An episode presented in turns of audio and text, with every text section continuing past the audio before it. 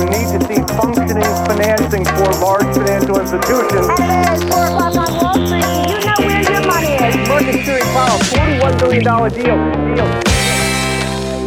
Då är det dags för investerarens podcast. Det är måndag den 27 september när det här spelas in och förra veckan vart återigen en negativ vecka med en nedgång på minus 0,44% för OMXS30. Vilket också innebär att vi har haft fyra negativa börsveckor i rad för första gången det här börsåret.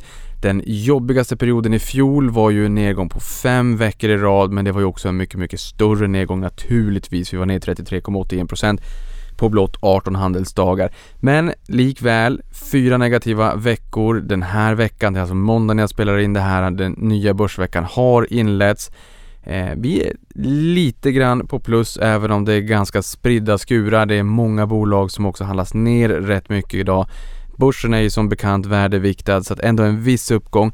Vi får se om det blir den femte negativa veckan i rad eller inte. Om så är fallet så blir det första gången i år och tillika alltså lika många negativa veckor som rekordet från i fjol då. Och veckan kan man väl säga innehöll både surt och sött. På måndagen var det ju Evergrande-ro på börsen, var på eh, måndagen bjöd på en nedgång på 2,85% som mest då. Evergrande Horror on Wall Street kan man väl säga. Det här spred sig som en löpeld över världen. Man vet inte riktigt vad som skulle hända. Man vet inte ifall det är så att Evergrande skulle kunna göra rätt för sig eller inte det här bolaget, den här fastighetsutvecklaren pratade vi om väldigt mycket i förra avsnittet. Ehm, men det hänger sig ju kvar lite grann redan på eh, eh, på, eh, I slutet på förra veckan så var det ju osäkert om huruvida bolaget hade gjort rätt för sig på den utländska obligationen denominerad i dollar. Det var ovisst på torsdagen. Eh, torsdagen hade vi också uppesittarkväll. Fantastiskt roligt måste jag säga. Men där visste vi ju inte om de hade gjort rätt för sig eller inte.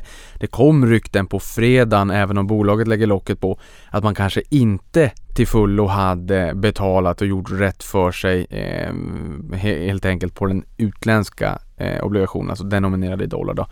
Eh, och, och, det här är ju någonting som spär på oro, men jag tror ju inte att man kommer att låta det här eh, skapa en större oro där ute. Eh, man vill ju aldrig lova att man ska rädda någon och man vill ju aldrig att någon med den moral hazard det innebär att bli too big to fail. Men vi får helt enkelt se, idag verkar det som att marknaden inte är jätteorolig för det här i alla fall. Men en rejäl nedgång på 2,85% som mest förra veckan, förra måndagen. Eh, och därifrån så fick vi en ganska hygglig återhämtning på 3,5% som mest fram till torsdagen då. På fredagen så var det ytterligare förnyad oro, förmodligen då på de här eh, eventuella ryktena från eh, kring Evergrande föll 1% ungefär. Så att vi stängde börsveckan upp 2,47% från veckolägsta. Men vi orkade inte upp över nollan helt enkelt. Så att minus 0,44 var det som, eh, som vi landade på i slutändan. Och förutom eh, börsen så var det ju en ganska makrotung vecka och på makrofronten fick vi besked både från svenska Riksbanken men även amerikanska Fed. I Sverige på hemmaplan så höll ju Riksbanken räntan oförändrad medan Fed signalerar att vi borde kan få se minskade tillgångsköp redan i november om det är så att NFP eller Non-Farm Payroll är hyggligt okej. Okay. Men den får vi vänta till nästa vecka innan vi kan kika närmare på den helt enkelt. Men uppenbarligen så signalerar man ju att man är närmare en nedtrappning av obligationsköpen, alltså det här tapering som man pratar om på marknaden. I dagsläget så köper man obligationer för eh, motsvarande 120 miljarder dollar i månaden. Alltså en månatlig takt på 120 miljarder dollar och redan till halvårsskiftet så kan man nog börja fasa ut det. Det är många som tror att man börjar i november, alltså om någon farm payroll är hygglig. Och det här att man kanske kan ha fasat ut det här redan till halvårsskiftet nästa år. Någonting annat som kanske var lite mera ny information som marknaden inte riktigt hade räknat med är att det är en större andel ledamöter som nu tror på räntehöjningar redan under nästa år. Men marknaden valde att tolka den här nyheten positivt. Det här är ju det, man, man vet inte riktigt hur marknaden tolkar information och, och nyheter men jag tänker mig någonstans så visar det här ju på att eh, ekonomin är så pass pigg att den kan stå på egna ben, att man kan börja höja. Det är ju ett sundhetstecken. Vi har ju naturligtvis inte sett effekterna av eh, problematiken kring återstarten av global ekonomi riktigt heller. Och vi är inne i ett oerhört viktigt kvartal, inte minst för eh, julhandeln, inte minst för konsumtionen som är två tredjedelar av amerikansk ekonomi. Så det ska bli spännande att se. Vi är inne i ett väldigt, väldigt spännande eh, kvartal. Eller inne i är vi inte, men vi går in nu när vi går in i oktober i ett väldigt spännande kvartal. Sen har vi norska centralbanken, Norges bank, som höjde räntan med 0,25% under veckan. De var ju ganska snabba. Det var väl vi, Norge och Australien som hade hyggligt höga reporäntor 2012 när det begav sig. Men vi fick backa och göra alla andra sällskap betydligt mycket lägre än, eh, än så då helt enkelt. Men här eh, pratade ju Norges bankschef om att ehm, eh, Norges ekonomi är i bättre skick och den ekonomiska aktiviteten är högre än innan pandemin. Och här kan vi också eh, notera det faktum att på onsdag den här veckan den 29 september så rullar man tillbaka rekommendationerna om distansarbete, hemarbete etc. Sverige öppnar upp. Det här ska ju såklart bli intressant att se vad det här kan tänkas leda till. Jag tror ju att det blir någon form av kosläpp som vi har hört Mittelman skriva om eller läst eh, Mittelman skriva om i Dagens Industri. Det här är väl någonting vi, vi redan ser tecken på om man går ut på stan och kikar sig omkring, inte minst i Stockholm kanske där jag befinner mig, där det är mycket puls i vanliga fall men det har varit betydligt mycket lugnare här liksom i övriga delar av Sverige naturligtvis. Men pulsen har börjat gå upp Eh, rejält, det är märkbart. Sen får man väl inte springa och, och, till någon form av normalitet dag ett utan man får väl ta det försiktigt men det är ju sunt bondförnuft. Eh, men det ska bli intressant ändå att se vart det här kan leda till. Eh, och nu öppnar vi upp gränser på, på löpande band också. Och det här är ju sista veckan i september och sen drar vi igång oktoberbörsen. September brukar vara volatil. Jag tycker väl att september också har varit lite mer volatil än eh, vad vi har vant oss vid under eh, större delen av det här året. Vi har åtta positiva börsmånader i ryggen. Det ser ut som att eh, september kanske kan bli den första börsmånaden i år som är negativ. Vilket gör att vi också bryter den här streaken då, men det kanske bara är eh, sunt eh, faktiskt. Och VIXen också skräckindex eller volatilitetsindex på S&P 500 har också stigit eh, ändå någorlunda märkbart under, eh, under september från väldigt låga nivåer. Så att det är lite mera nervositet på marginalen. Eh, och oktober brukar ju också vara lite mer volatil. Skräcktober som man brukar höra ibland. Och här eh, noterar CNBC att just oktober är en volatil månad eh, och att eh, volatiliteten historiskt har varit 36% högre än snittet för årets övriga 11 månader. Så förutom att volatiliteten har varit högre så har det också varit högre antal sättningar, korrektioner och dessutom björnmarknader som antingen startat eller slutat här under månaden. Och det är klart, jag menar, det har ju varit full fart framåt under det här året. Det är ju inte konstigt heller om vi får en, en del vinsthemtagningar. Plus att det finns lite motvind eh, nu när vi går in i, i, i kvartal med betydligt tuffare jämförelsetal i och med att vi hade börjat komma igång Eh, under både Q3 och Q4 i fjol då. Jag menar snart är det även rapportsäsong så den lär väl också ge någon form av vägvisare vart hän vi är på väg och vad bolagen säger. Inte minst siffrorna för kvartalet men även vad man säger framåtblickande då. Och vad man ser för eventuella moln på horisonten helt enkelt. Sen har vi CTEC gjorde debut i fredags. En glödhet notering får man väl säga eller kanske inom citationstecken spännande om man vill ha lite Göteborgshumor. Bolaget noterades till kurs 69 kronor per aktie och eh, Latour knep ju i samband med det här då 31% av bolaget och blir därmed största ägare. En påminnelse om en fördel i alla fall med att vara eh, aktieägare i börsens eh, investmentbolag är ju att man får följa med här och bli delägare i ett bolag från start till kursen 69 kronor istället för att köpa det betydligt mycket högre eh, post-IPO. Det här är ju första gången sedan 2015 som Latour också är ankarinvesterare. Det var Troax 2015. En story som också har varit eh, väl så trevlig. Där Troax eh, är idag större än moden Gunnebo en gång i tiden. Ehm, och som mest steg aktien från 69 kronor upp till 175 kronor intradag, alltså 153 procent som mest. Det var inte det, liksom, eh, det, det genomsnittliga viktade priset under dagen utan högsta noteringen på 175 kronor. Eh, vilket innebär att det är en extrem uppgång här eh, i, i samband med noteringen. Och, och, av naturliga skäl så blev ju eh, tilldelningen också väldigt skral när intresset var enormt. Men jag noterar att av totalt 13 000 nya aktieägare i CTEC så är det nästan 11 000 avansianer. Eh, och det här är återigen en påminnelse om vikten att vi fortsätter att värna och ombesörja spararnas intresse så att vi fortsätter försöka se till att så många småsparare som möjligt också blir prioriterade i börsintroduktioner vid sidan av institutionellt kapital. Men som alltid, jag tror att besvikelsen var förmodligen stor i den här noteringen. Förmodligen ännu mera, eh, eller ännu större besvikelse ska väl sägas, när man ser att aktien rusar så pass mycket som vad den gjorde. Å andra sidan, hade det inte blivit så skral tilldelning så hade det ju heller inte blivit så eh, sån rejäl eh, pangstart för aktien. Och någonstans så tänker jag mig att det, det handlar inte heller om att flippa aktier och teckna sälj. Eh, den mentaliteten och den trenden är väl snarast någonting som talar emot att man vill prioritera småspararna i större utsträckning. Eh, som bolag kan jag tänka mig. Eh, men i det här fallet, det går inte att göra alla nöjda när en aktie, när ett bolag som kommer till börsen får boken övertecknad många, många, många, många, många gånger om. Det är någon, något av det mest fundamentala, grundläggande när det kommer till den ekonomiska världen och det är utbud och efterfrågan.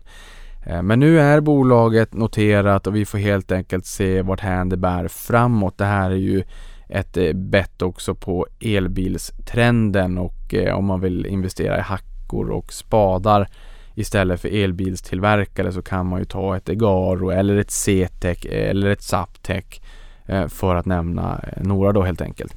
Sen aktierna som fick flest nya ägare under förra veckan på Avanza var ett SBB, sen har vi Knowit, fick en rejäl eh, riktkurshöjning av Handelsbanken Capital Market som tyckte att eh, det finns god potential framåt för en förvärvsdriven tillväxt och att konsolidera marknaden bland IT-konsulter. På tal om det så kanske du också har lyssnat då till CAG Group här i podden tidigare som gästade Åsa då. Eh, det är ju en eh, IT-konsult. Eh, det finns ju en viss utmaning i att många av de där blir ju uppköpsobjekt och kanske köps ut från börsen också. Men vi är ju förärade med ett antal IT-konsulter på börsen ändå. Sen har vi Kjell som är bolaget bakom Kjell Company som också kom in till börsen nyligen. De hamnade på tredje plats. SSAB på fjärde och sen Investor B på femte plats. Ehm, så att alltjämt relativt kända bolag här på topplistan under veckan, alltså de aktierna som fick flest nya ägare. Och med de orden är det dags för ett nyhetssvep. Jag blir oerhört stolt över mig själv att jag börjar kunna hålla den här podden någorlunda kort. Men vi börjar med elbilstillverkaren Polestar som noteras på amerikanska Nasdaq via SPAC-bolaget Gores Guggenheim. Det här blev känt idag då helt enkelt och jag tror att det här också kan öka temperaturen på spackar. Det har varit naturligt att spackarna har levt lite mer i skyndumman, skynd Eh, skymundan den senaste tiden. Eh, och jag tycker att det är logiskt. Jag tycker inte att det ska vara en vild handel i en påse pengar innan man har hittat ett förvärvsobjekt. Det här är ett alternativt sätt för bolag att ta sig in på börsen och när du är född så kommer ingen bry sig om vilket BB du föddes på utan utvärderar dig efter din karaktär och efter dig som person. Ehm, så att eh, över tid när bolaget är noterat, det är ingen som bryr sig eller kommer komma ihåg hur bolaget kom till börsen då. Men här, värderingen väntas bli 20 miljarder dollar, vilket jag noterar då alltså är lika mycket som delägaren Volvo Cars som också verkar vara på väg till börsen, men då väljer Stockholmsbörsen det här är ju en eh, gemensam vårdnad mellan, Amerik- eh, mellan Volvo Cars och eh, kinesiska Geely. Eh, Geely är ju storägare i Volvo Cars så att det här det blir ju någon form av väldigt mycket korsägande. Den här spacken steg också 8% i förhandeln, den amerikanska förhandeln då och indikerade ju att eh, Eh, marknaden gladdes åt det här eh, beskedet. Sen har vi USA, där noterades restaurangtechbolaget Toast på New York Stock Exchange, eller Nyse, ett bolag som hjälpt många restauranger att digitalisera sin affär under pandemin. De har en point of sale, alltså där du, eh, hårdvaran, där du betalar den, där de tar betalt samt att de hjälper restaurangerna och har hjälpt dem att migrera mot takeaway delivery, eh, Foodora, Uber Eats med flera så att säga den typen av lösningar samt kontaktlösa beställningar och onlinebeställningar. Och bolagets VD Chris Comparato sa i en intervju med CNBC att de ibland känner sig som en förlängning av branschens R&D eller forskning och utveckling och kan hjälpa till att digitalisera en annars relativt analog bransch med de här restaurangerna som behöver ett, större teknikinslag för att hänga med i de senaste trenderna. En trend som jag inte hört om så mycket på senaste tiden det är sådana dark kitchens Eh, och vi får helt enkelt se vad som händer med Dark Kitchens nu när samhället öppnar upp igen och många vill ut och eh, träffas ehm, eh, över en bit mat, en, en, god lunch. Å andra sidan så tänker jag mig att den här typen av trend med Dark Kitchens, alltså att du det är en restaurang som har en meny på exempelvis Foodora där du kan beställa mat men de har ingen fysisk glugg, alltså en, en digital restaurang snarare än en restaurang med fysisk eh, ja, fysisk restaurang. I, I och med då att eh, trenden här med att beställa online, beställa hem har ökat väldigt mycket så har det ju också ökat efterfrågan på eh, dark kitchens där man inte behöver ha en dyr restaurang, eh, liksom skyltfönster. Utan man kan göra en herrans massa god mat och sen så skickar man bara iväg det här med, med buderna som kör hem det här till hungriga, eh, hugade eh, beställare helt enkelt. Vi får se vad som händer med den trenden. Aktien steg som mest 62,5% vid noteringen men värderingen är väl tilltagande, någonting som många noterar. I samband med noteringen värderades bolaget till 20 miljarder dollar jämfört med 8 miljarder dollar vid en transaktion i fjol, vilket innebär att värderingen är lika hög som för Volvo Cars eller Polestar om det inte hade varit för att den steg så pass mycket här i inledningen. Så nu har den stigit över 30 miljarder dollar helt enkelt. Så att enskilt kan man säga att det är eh, högre värdering än Volvo Cars eller Polestar. Så har vi Husqvarna och Traton som vinstvarnade under veckan. För Husqvarnas del är det motortillverkaren Briggs Strattons leveranser för nästa år, alltså 2022, som har skurit sig, skriver Dagens Industri. Jag gillar humorn och därmed hotar det försäljningen av åkergräsklipparen för motsvarande 2 miljarder kronor. Frågan är om det här är en indikator då för fler bolag inom industrin, alltså de här flaskhalsarna i distributionsleverantörskedjor ehm, det, det stökar liksom till. Vi, det här visar att man är ju inte starkare än den svagaste länken. Och vi ser att det är väldigt många bolag som har utmaningar här. Jag menar, lean production har man ju jobbat med under lång tid. Man ska inte ha en herrans massa lager och man har förlagt eh, produktion till lågkostnadsländer och man får delen av komponenterna man behöver precis när man tillverkar och sådär. Det här är ingenting i, i specifikt i Husqvarnas fall för jag har inte koll på hur de har, har lagt upp sin produktion. Men generellt så att säga så att hela den här pandemin och allt som har hänt under pandemin kommer ju naturligtvis göra att bolagen tänker till för hur varuförsörjningen och varukedjor kommer att se ut framöver för att minska. Det här är ju en operationell risk som vi har sett under pandemin och det kostar väldigt mycket pengar. Inte minst alternativkostnadsmässigt är det ju en eh, väldigt hög kostnad. Och Traton där alltså, som bland annat äger svenska Scania och är en konkurrent till Volvo vinstvarnar på grund av störningar i leveranskedjor även de likväl som komponentbrist. Och här lyfter man upp Malaysia som en utmaning då det är en viktig techhub för tillverkning av just halvledare till fordonsindustrin. Det finns ett 50-tal bolag där som tillverkar halvledare till fordonsindustrin. Ehm, samtidigt som landet inte ligger i fas med deltavarianten och därmed håller många fabriker på minimalt kapacitetsutnyttjande. Det är ju inte det branschen vill ha just nu. Det gör att det är fortsatt väldigt svårt att få tag på komponenter. Eh, och det gör att man förmodligen inte heller kan antingen ha låg kapacitetsutnyttjande på sina fabriker eller kanske få stänga produktionslinjerna vartefter. Vi, vi får helt enkelt se. Det är ingenting som de har aviserat nu i alla fall men det har de ju gjort eh, tidigare.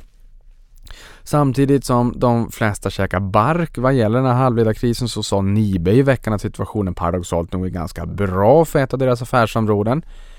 Nibe förknippas starkt med värmepumpar, men Dagens Industri även här då noterar att de här utgör då endast 64% av topline, medan en dryg fjärdedel av omsättningen, ungefär 25% utgörs av element och där säger VD Gert-Erik Lindqvist eh, så här.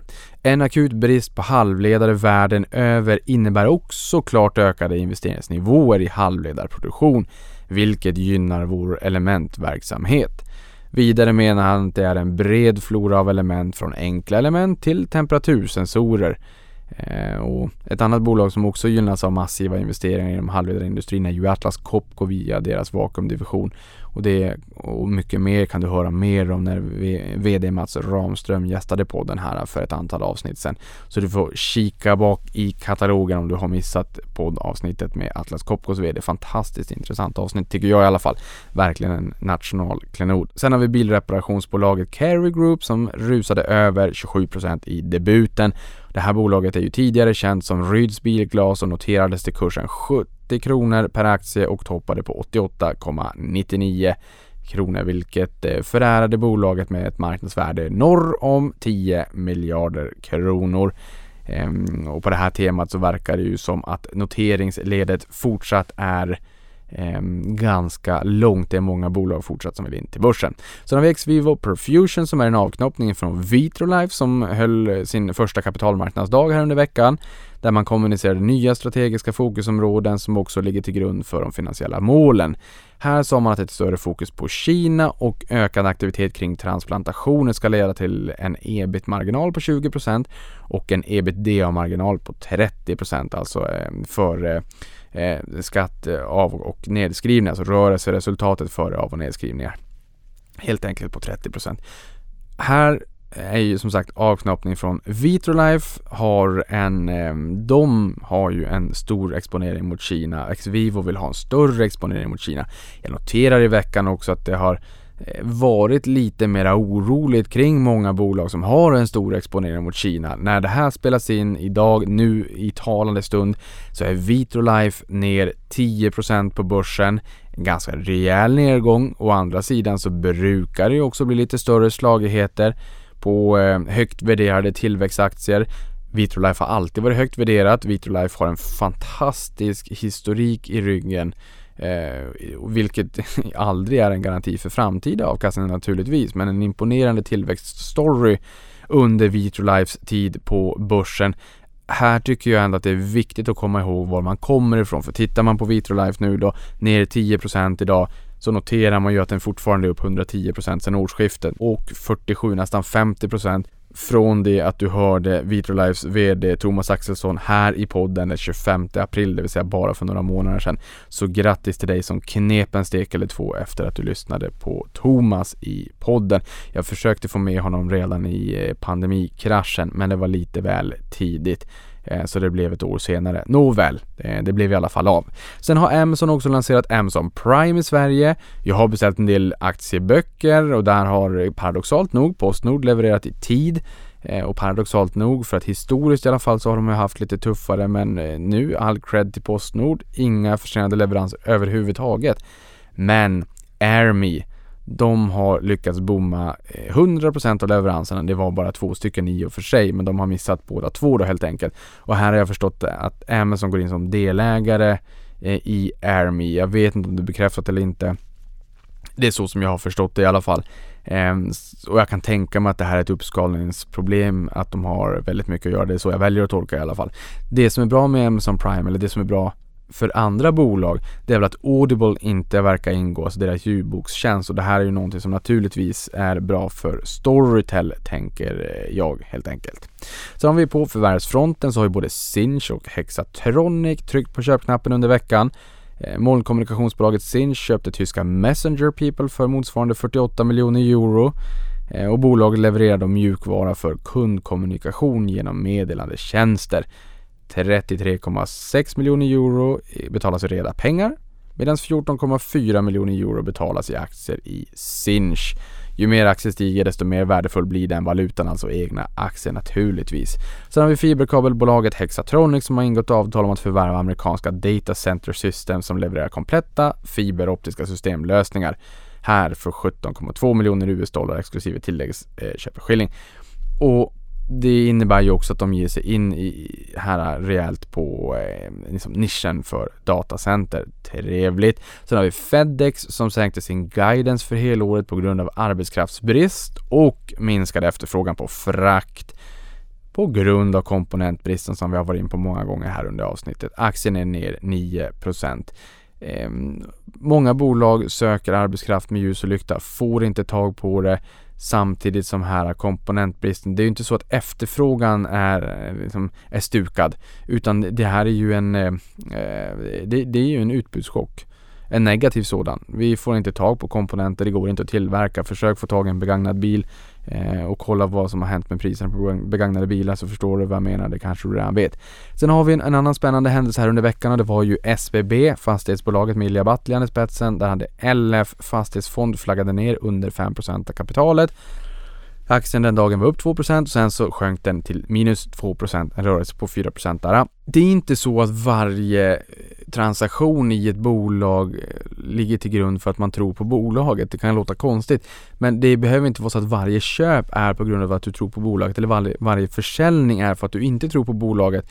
Eh, och, och man ska liksom eh, enkelt förklarat. Utan i det här fallet så var det så att eh, Länsförsäkringars fastighetsfond är en vanlig usage-fond med 5, 10, 40 regeln som innebär att fonden inte får ha mer än 5% av fondförmögenhet i ett enskilt papper, en enskild emittent. Men ingen regel utan undantag. Du kan ha 10% stekar i ett, en viss emittent så länge de tillsammans de 10% stekarna inte utgör mer än 40% av hela fondförmögenheten. Så i det här fallet så var det så att Länsförsäkringars fastighetsfond som fortfarande tror på SBB men de var tvungna att skala ner för att aktien SBB har gått för bra, vilket innebär att det är en för stor stek i relation till övriga innehav. Eh, den väger för tungt i fonden.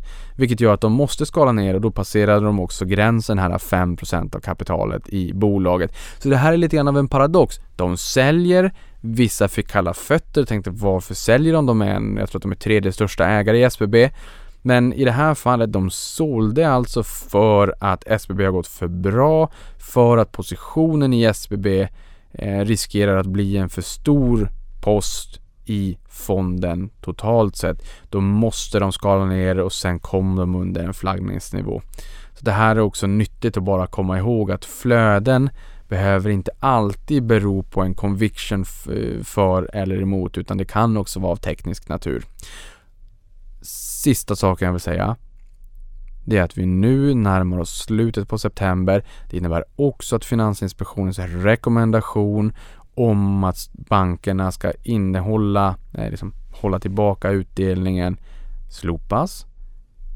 Det ska bli spännande att se om eh, vi får ett utdelningsregn från banksektorn här när vi går in i oktober och om vi får kallelser, kallelser till extra bolagsstämmor eh, antingen nu eller kanske i samband med rapporten eller vad det kan tänkas vara där man vill besluta om eh, extra utdelning då, eh, där man kan dela ut det man egentligen hade, hade tänkt att dela ut i år, men som man inte har kunnat på grund av Finansinspektionens rekommendation. Det återstår helt enkelt att se och med de orden säger jag tack för att du har lyssnat på det här och avkastning på det. Vi hörs igen nästa vecka.